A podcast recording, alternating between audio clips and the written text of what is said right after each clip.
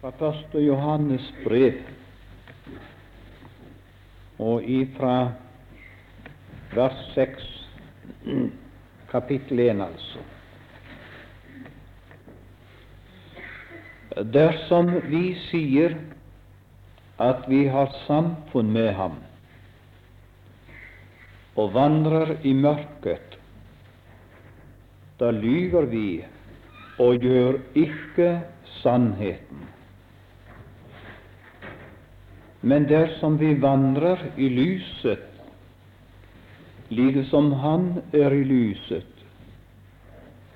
da har vi samfunn med hverandre, og Jesus, Hans Sønns blod, renser oss fra all synd.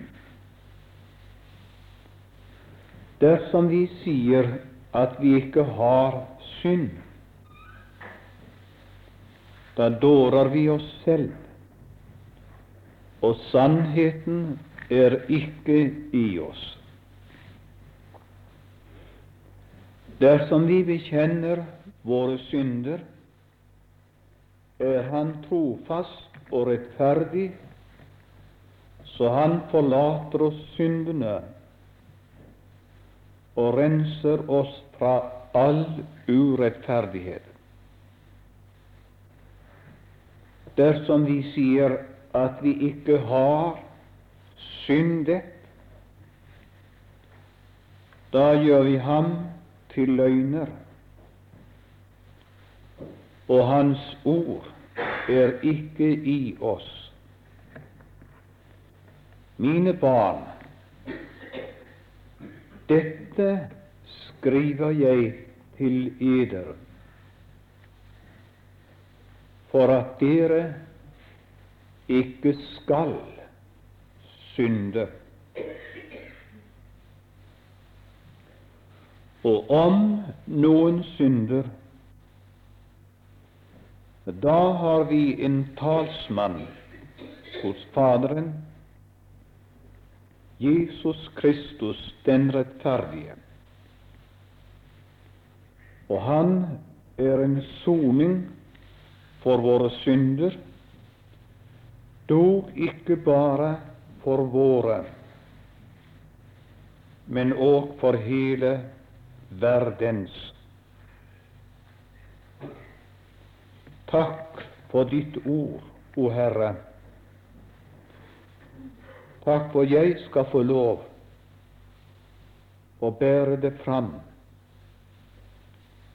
Men jeg må ha din hjelp og troens fulle tillit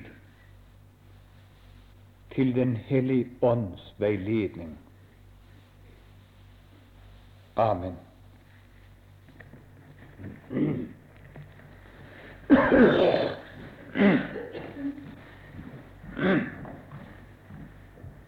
Takk skal du ha.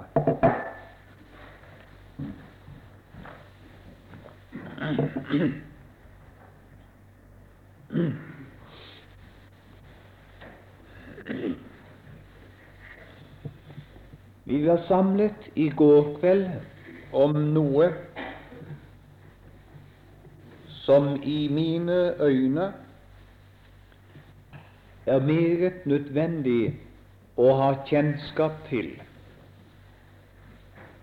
for Guds barn, og i særdeleshet for unge troende. Og det er hva vi kaller stilling og vandring. Og så å kunne skjelne mellom de to tingene forskjellen på stilling og vandring. I kveld skulle vi ha for oss et emne som er like nødvendig, i hvert fall i mine øyne, å ha klarhet over. Og ellers skal jeg legge til kanskje mer klarhet over enn vi muligens har hatt. Nemlig eh, den troendes forhold overfor sin synd og Bibelens lære om synd i første rekke hos den troende.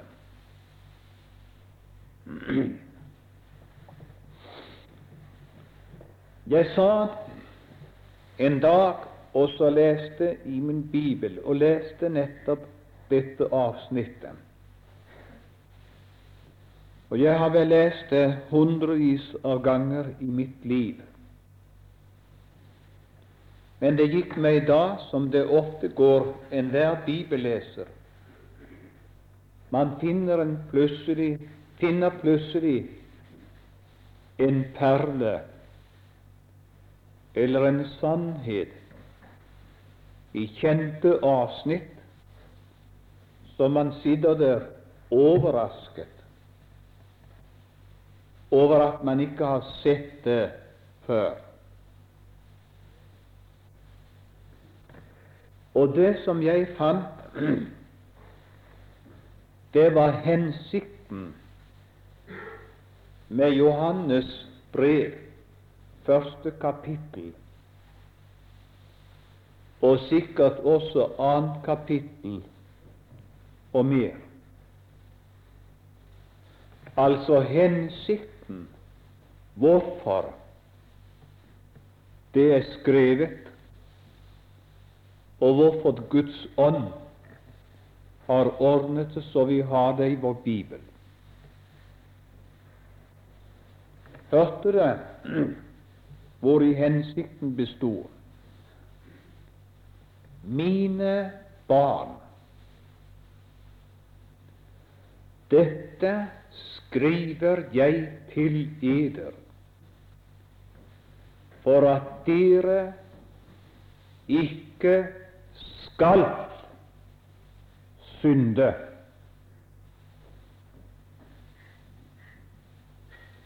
Har du tenkt på det når du leser første Johannes brev?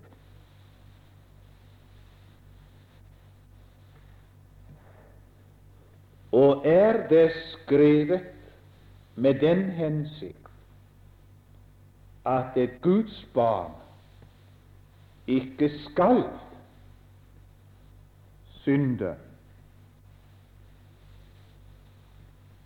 så skylder vi å gjøre oss kjent med brevets innhold og dets lærdom om synd. Dersom det er en bevarende faktor fra å synde.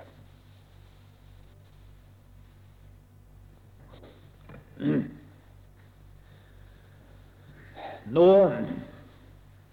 må dere vente og tro det at jeg skal preke slik i kveld at du og jeg skal holde opp og synde og bli syndefrie fra i kveld. Det han har sagt hvis jeg bare maktet det, så var det det beste som kunne hende. Men eh, jeg legger ikke vekt på det i mitt vitnesbyrd. Men det som står for meg, det er å klargjøre ting for troende angående synd,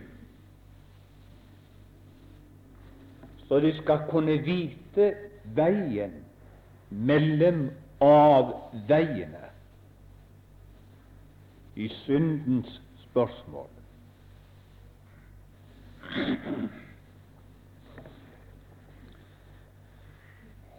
I det avsnitt jeg har lest, der finnes det to uttrykk.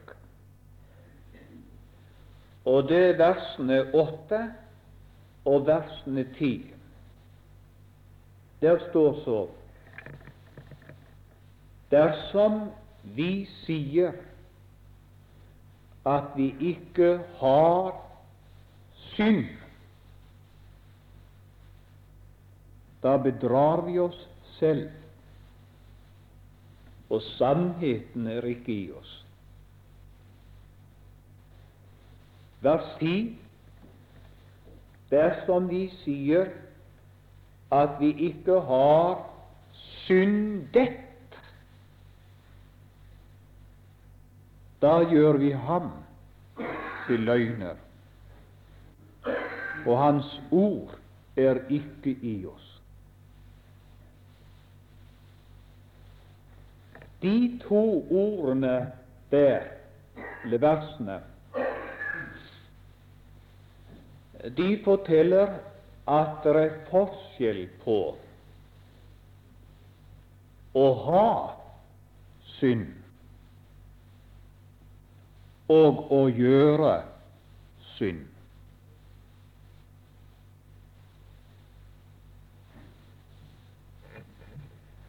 Og Bibelen kom igjen gang på gang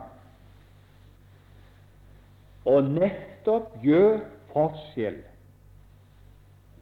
på begrepet å ha synd og å gjøre synd.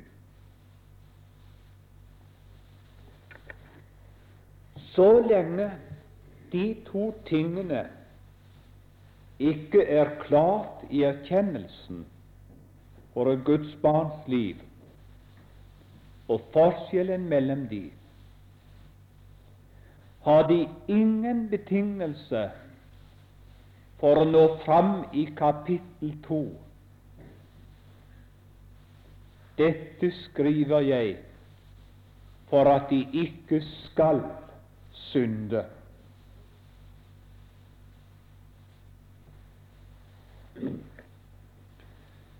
Så lenge de tingene er uklare, står en kristen i fare for å havne i en av grøftene på veien til himmelen. Denne ene grøft vil jeg kan kalle syndefrihetslæren. Heldigvis er den på retur i landet nå. Men det er de stakkar som enda lever i en så uåndelig tilstand, og som enda bedrar seg selv etter vers 8 at de ikke har synd, sier det. Noen forbinder det med noe de kaller åndsdåpen i deres liv, og tillegger at de ble døpt i Den hellige ånd og ild. Og ilden brente opp alt som var synd i dem. Ja, bare vært gildt å få vært sammen med dem i 14 dager. Nei, tre dager. Så skulle jeg iallfall greit å vise litt, litt av at synden bor i dem, selv om jeg ikke er så glugg.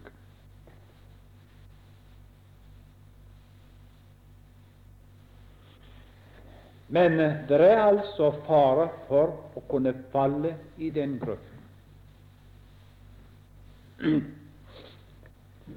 Og om de samme mennesker kommer ut på noe som heter synd i allmenn kristelig og bibelspråk, så sier de nei, det er ikke synd. Det er karaktersvakhet. Sånn ble det lansert av en ledende høvding på det området her i landet. Jeg skal ikke nevne navn. Det er ikke nødvendig. Den annen grøft som er en stor fare å falle i, det er slarveskapens grøft. Å smøre over med nåde samtidig.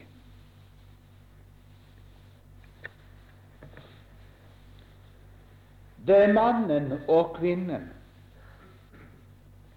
som aldri kan være oppe og vitne om Gud, og aldri i det daglige livet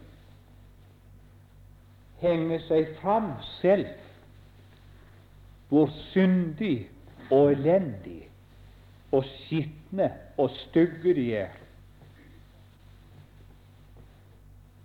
Særlig i forsamlingene gjør de det, for de skal innbille de andre troende det er sånn en grundig kristendom jeg har. Og så skal de få høre jeg er en ydmyk kristen. Og så skal de få høre at jeg er sånn veldig god lutherske, som kjenner på fordervelsens avgrunn i meg. Den visa synger de på hele sitt liv. Og så smører de over med det er fullbrakt. Så ligger de der.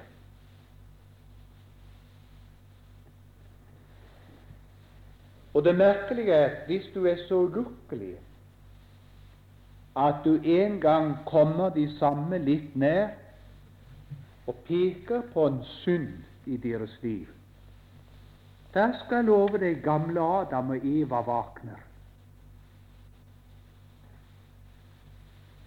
Da blir de rasende og fornærmet. Og tilhører i en menighet, så er det ut døren, og så melder de seg inn i et annet samfunn. Og skulle en annen i det samfunnet der peke på dem, så springer de i det tredje. De skulle vi kalle for rundbrennere.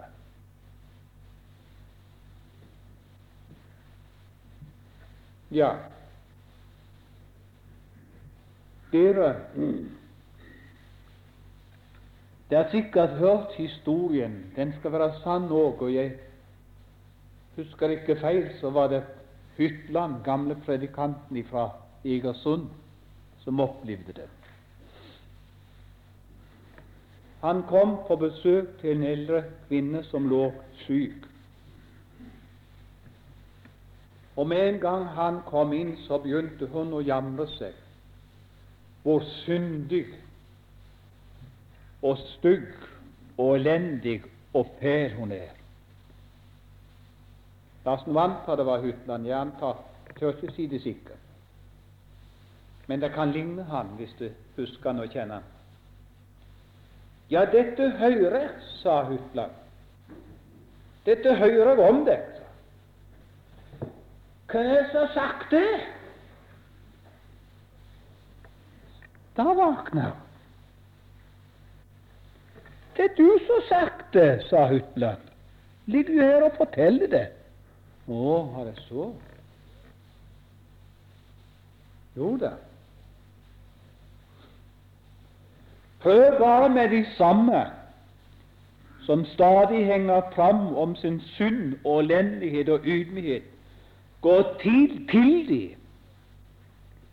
og si, broder, søster, du har syndet mot en av de troende. Du må gå og ha det oppgjør.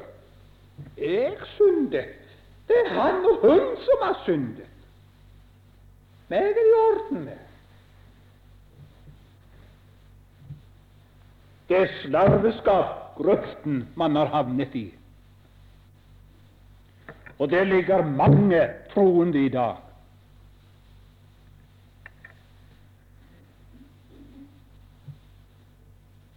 Ja, ja, dette er litt av livserfaringen min i de år jeg har reist, og fått lov å reise rundt i forskjellige flokker, både i vårt land og andre land.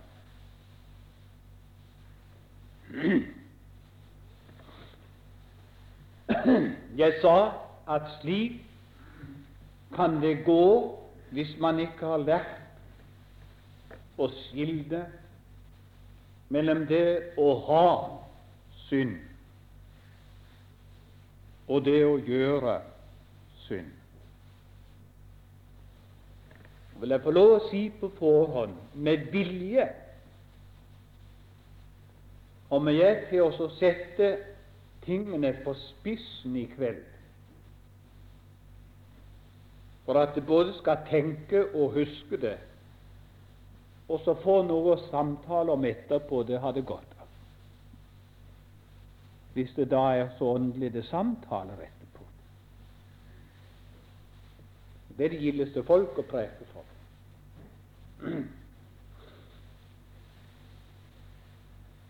Eh, jeg sa, om å få gjenta, at Bibelen skilner klart imellom det å ha synd og det å gjøre synd. Men hva menes Bibelen med uttrykket 'å ha synd'? Det er min iboende, gamle, syndige natur. Det som vi fra barnelærdommen har betegnet med arvesynden. Det som i Paulus brev i Romane 7 f.eks. betegnes for synden som bor i meg. Synden ikke synderne, men synden ble levende. Og synden ble syndig, forteller Paulus. Og Så kommer han med et annet språk, og så kaller han det for kjødet.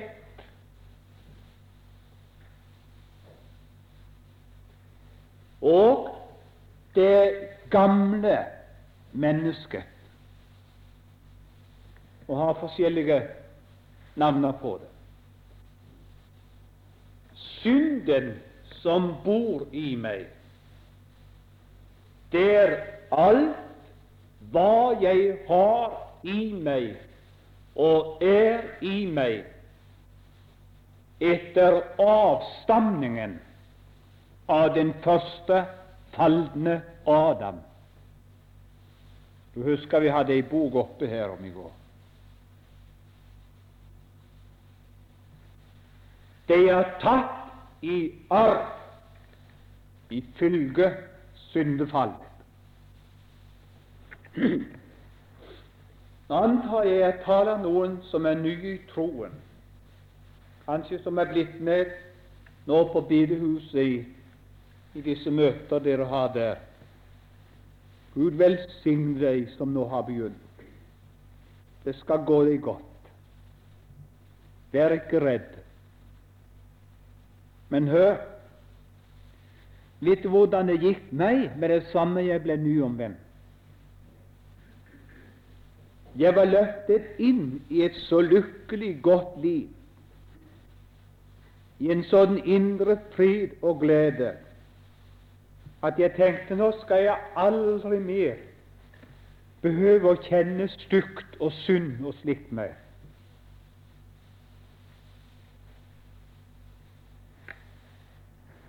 Og eh, jeg trodde at så var livet med Gud, og så skulle det alltid være. Så var det bare en kort stund, få dager etterpå, så oppdaget jeg Å, bor det i meg enda?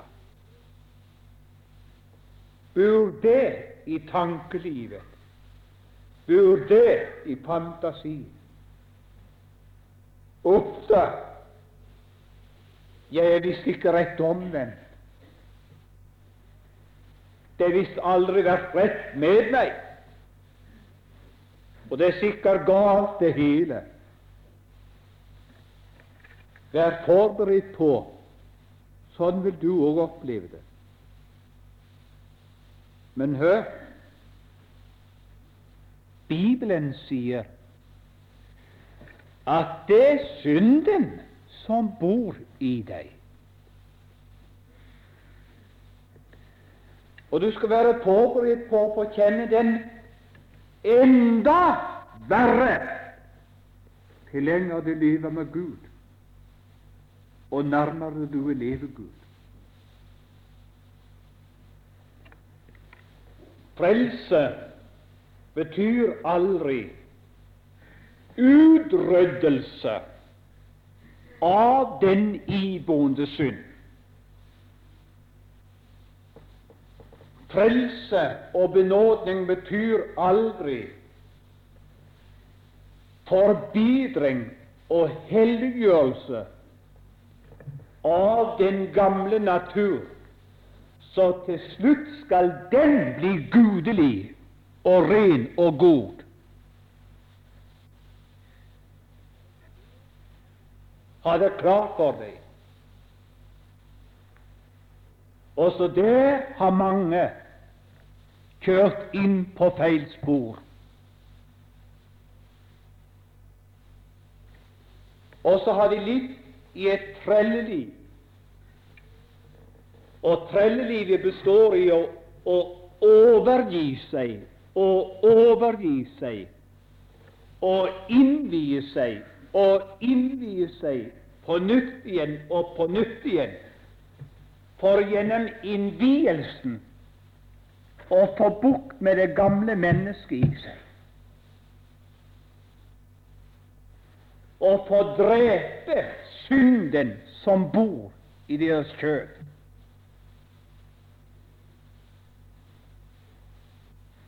Så uten de selv Selvsagt mener de det godt, men uten de selv vite, er de kommet inn i en så fin lovisk trelldom at det skal et Guds under om de kommer ut derifra igjen.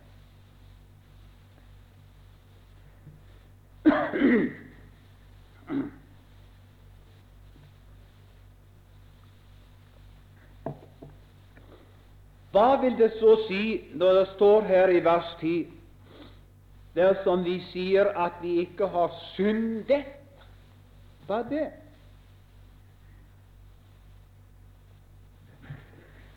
Nå er det synd i handling det gjelder. Det vil si den iboende synd har i kompaniskap med Satan fått meg til å utføre synd i handling. Og da kaller Skriften det for misgjerninger og overtredelser.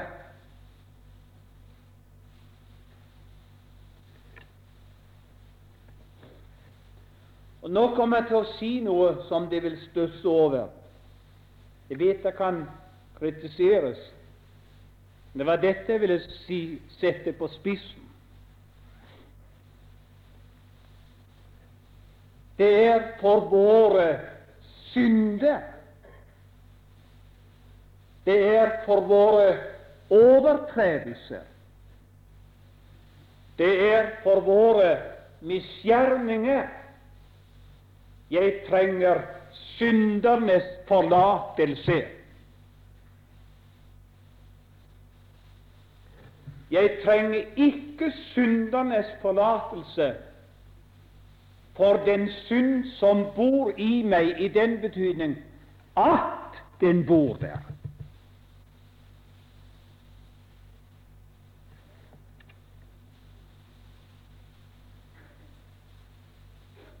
Men når den iboende synd går til handling, og jeg stiller mitt ligeme, lemmer, øyne, munn, føtter til tjeneste for synden som bor i meg, da gjør jeg synd. Da synder jeg. Da overtreder jeg, og da gjør jeg misgjerninger.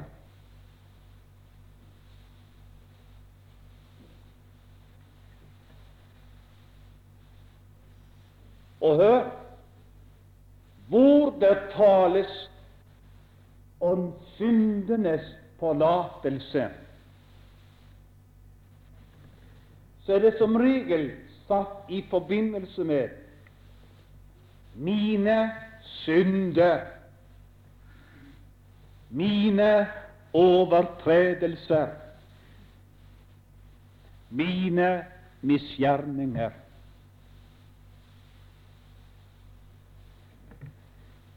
Men så kommer spørsmålet, og her kan jeg tenke meg at noen sier, sier men nå går du for langt, Line. Du trenger vel syndenes forlatelse for den iboende synd. Selvsagt. Men ikke syndenes forlatelse for at den bor der.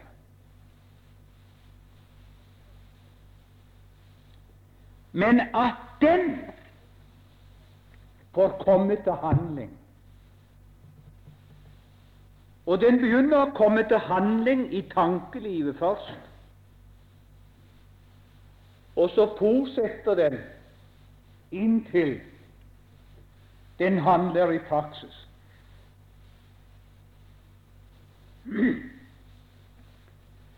Nå så er spørsmålet hva er nå Guds forhold til min iboende synd og til synd i handlinger, overtredelser og misgjerninger. Jeg har sagt litt om vårt forhold til den, og det består i en kristen har synd boende i seg, arvesynden, og en kristen gjør synd. Men etter kapittel to, to behøver han ikke å gjøre synd. For dette skriver jeg til eder, for at de ikke skal synde.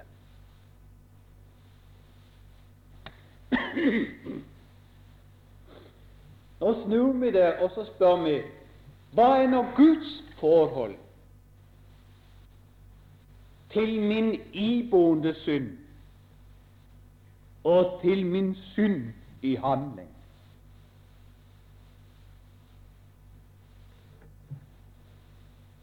Da er det litt forskjell imellom det.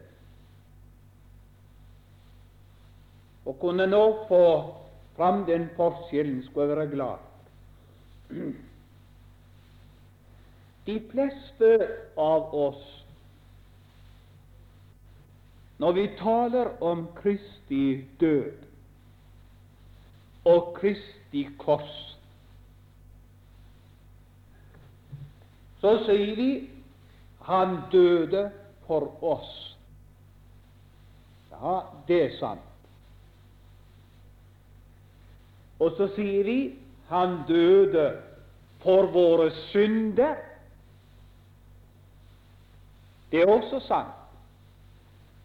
For Peters brev sier han bar våre synder på sitt ligeme opp på korset, eller på treet. Men Guds sønn gjorde litt mer.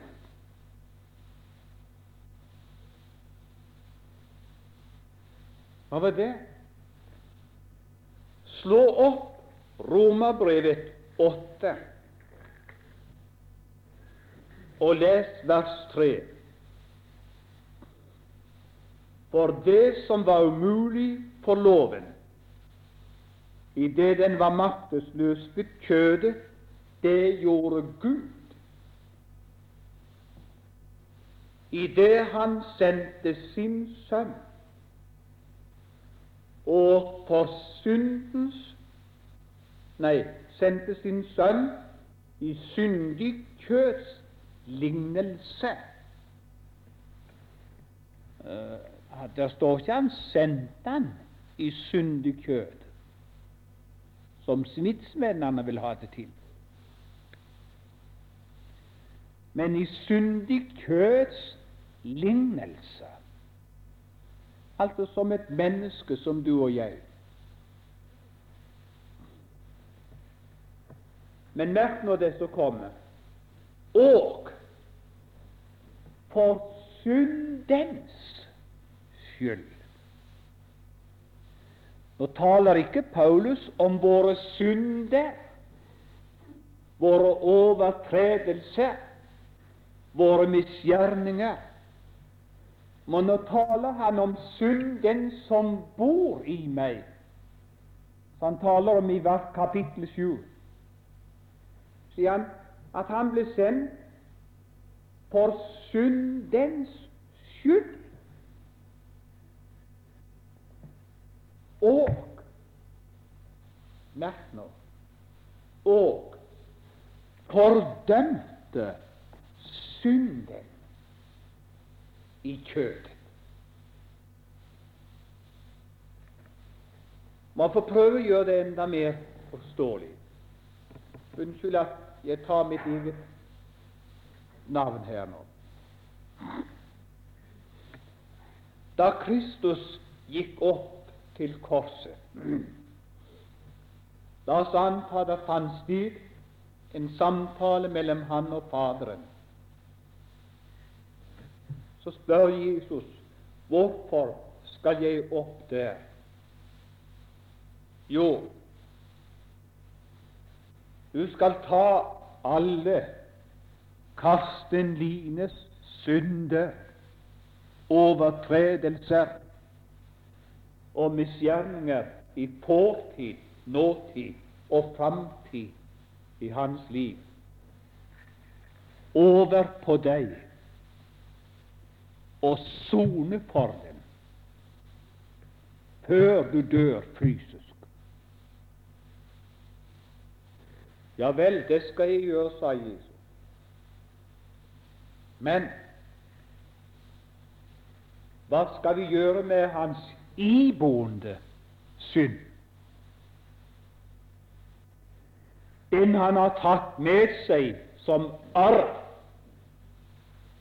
fra fallet etter Adam. Den onde, gamle natur. Å, min sønn, svarer Faderen,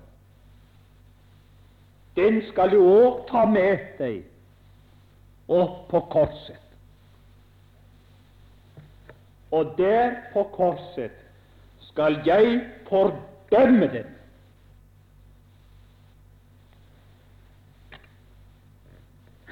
spør vi så hvor i bestod den fordømmelse? Gud fjernet den bort fra sitt åsyn. Som menneske i den evige ildsjø blir fordømt, og fordømmelsen består i og fjernes bort fra Guds åsyn for evig.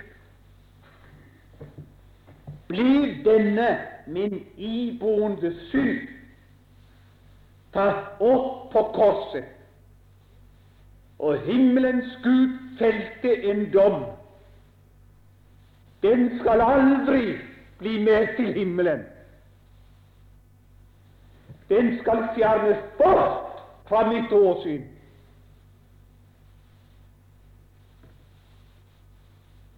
Det gjorde Gud, står det i samme vers.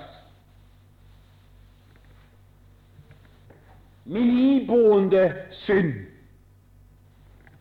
så jeg går med her som en kristen, den er blitt fordømt i Kristi død og i Kristi kors. Hvor meget den en plager meg i dag som en kristen, så kan jeg kikke bort til den og si Gudskjelov, du er fordømt. Og du er så fordømt at du skal aldri greie å slette mitt navn ut av livsens bok. Og du skal aldri greie å trekke meg ned i Faderens øyne. For jeg er for Faderen hva Guds sønn er for Faderen. Jeg er syndefri i hans øyne i rettferdiggjørelsen, som Jesus er det for Faderen. Dommen har gått over synden som bor i meg, på korset. Vi tror tiltrer jeg den dommen og lever i den frigjørelsen i dag.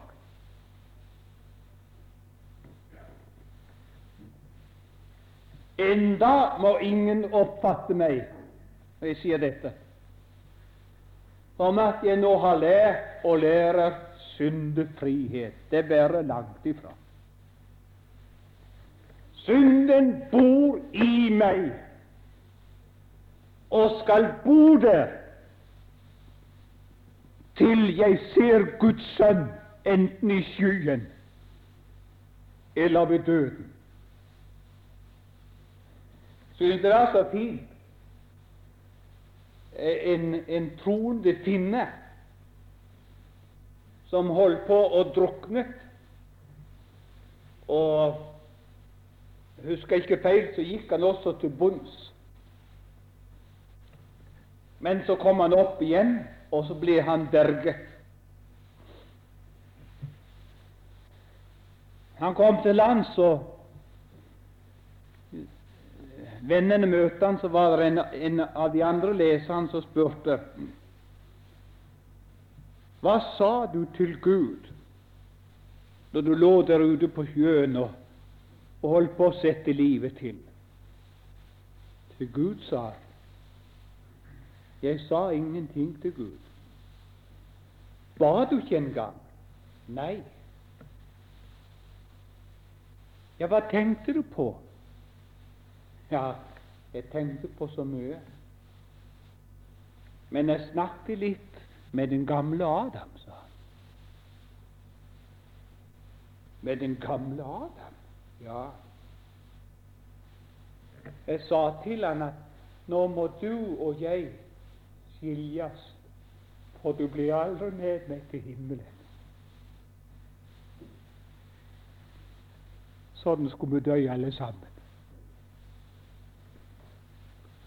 Om vi ikke kan dø med det i ordet, så skal det ha virkeligheten bakvendt. Det skal bli deilig å reise herifra med den kjensla av gamle Adam skal ikke få bli med lenger. Han har plagt og pint meg lenge nok her på jorden. Men da skal det være slutt. Gudskjelov.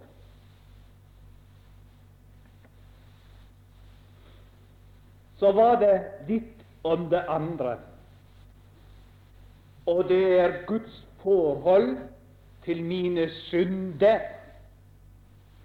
overtredelser og misgjerninger.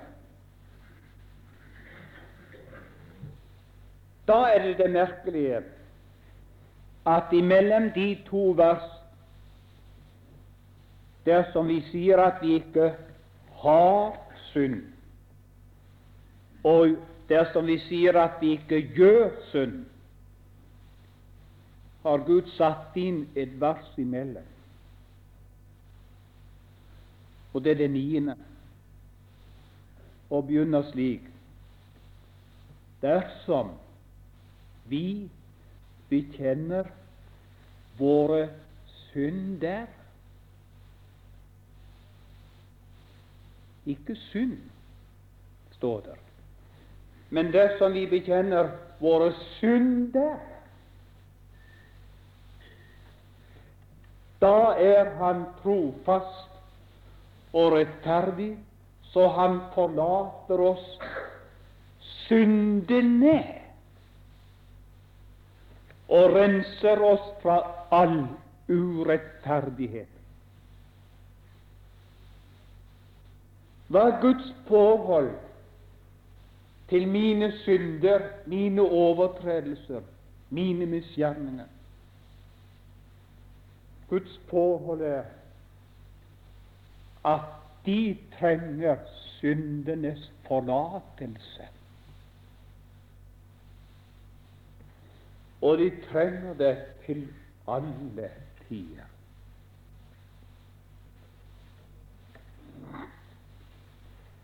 Få ta et lite sidesprang nå. Jeg kan aldri lese Salmen 103 uten å tenke på hva det betød for David når han skrev denne salmen. Det er den som begynner slik Min sjel, lov Herren, og glem ikke alle hans velgjerninger. Så begynner han å regne opp. Og den første velgjerning på, på programmet, den nye Han som forlater dine misgjerninger, all din misgjerning.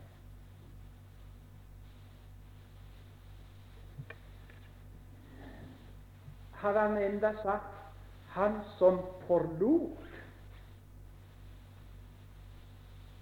all misgjerning', det kunne jeg forstått. For da tenkte David på fortiden, før han ble frelst, og at hans fortids syndeliv var forlatt. Men å, dere, den første velgjerning på programmet, det er at han fortsetter å forlate. Min sjel, lov Herren, og glem ikke alle hans velgjerninger. Han som forlater, som aldri blir trett av å forlate.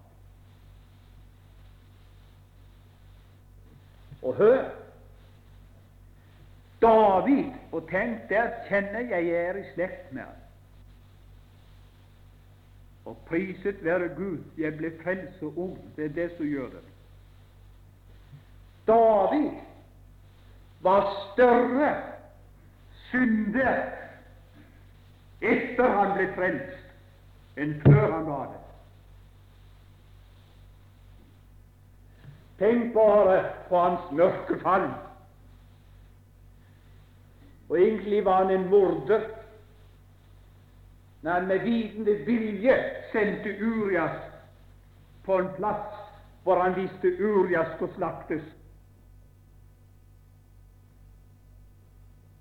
Mangler ikke på synd. Men nå sier han på tilbake, og sier der han står i dag Å, han forlater! Han har ikke holdt opp med det ennå. Nyfrelste, om du sitter her. Du er kommet i samfunn med en som forlater, så fortsetter når du endog ikke kan tro han har forlatt deg. Så stor er han. For hør dersom vi bekjenner Han forlater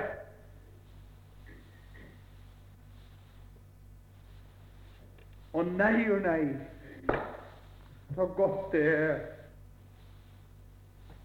når det lakker mot livskvelden, og så kunne stå med den erfaringen bak. Det er en som aldri har vært trett av og forlatt synd i mitt liv. Og jeg regner med han skal holde på med det til den siste dag. Hvorfor? For han vet jeg trenger det.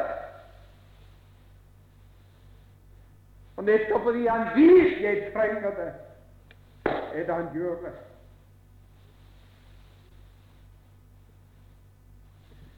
Det kom inn en gutt på et snekkerverksted. Og det var visst første gangen han hadde vært inne på et slikt verksted. Langs det verkstedet gikk det en stor aksling med masse reinskiver. Og fra en reinskive så gikk det ned en rein, og så rett ned i gulvet. Og så et stykke bortpå, en meter bortpå, der kom den opp igjen. Så gikk den sånn i ett vekk. Ned i gulvet, og så opp der. Og gutten han sto og så styrte på dette her med rattigheter, hvor det ble av den reina. Inntil en av verkstedets folk kom bort og så spurte hva er det du ser på, gutten min? Jo, han jeg står og så ser etter her når enden på den reima kommer. Han har visst forstått det enda. Hør, venner. Det er to regner i ethvert Guds forhold, hvis det da er i orden. Det har enigheter heter dersom vi bekjenner Han forlater. Vi bekjenner Han forlater. Vi bekjenner Han forlater. Nå har jeg stått i ca. 45 år Nei, hvis jeg skal være helt sann, så har jeg gitt opp å se enden på den reinen som heter Han forlater. Jeg bryr meg ikke om det lenger. For jeg er sikker på at det skal ikke være noen ende på det. Men når jeg har stått der i ca. 45 år har jeg gudskjelov ikke sett enda på den reim som heter Han forlater.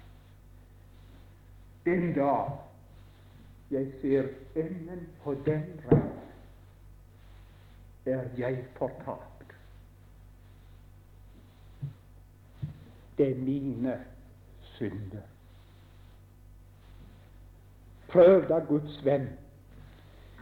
Lev i erkjennelsen av hva der bor i deg, og hva du er i deg selv. Men liv i erkjennelsen av at for mine synder, overtredelser og misgjerninger er det garantert meg syndenes forlatelse. Det er det samme hvor mørke og svake de måtte være. Ja. Når et Guds barn synder, hva skjer da? Det skjer meget.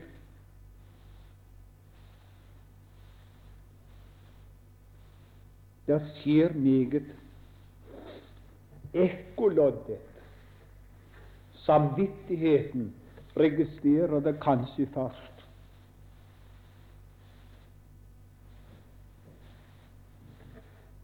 Den hellige ånd er på plassen og sier det passet seg ikke for et Guds barn å gjøre slik eller gå fram slik. Satan møter opp og sier du kan ikke være et Guds barn som har gjort det og syndet osv. Du kan bare gi opp. Oppe i himmelen sitter talsmannen i konferanse med talsmannen som bor i deg, Den hellige ånd. Overtales Den hellige ånd deg til å krype inn til Kristi kors og si Fader, jeg har syndet, som vi hørte her. Så har han der oppe enda ikke gitt deg opp. Så har han der oppe enda vist soningens verdi og blod. Fader, jeg er en soning for hans synder, og i min forsoning skjenk han syndenes forlatelse. Og så kommer syndenes forlatelse ned tilbake igjen med en indre stille fred hvile, glede og trygghet. At Jesus har ikke gjort det forbi. At Jesus har ikke glemt meg. At Jesus slutter ikke.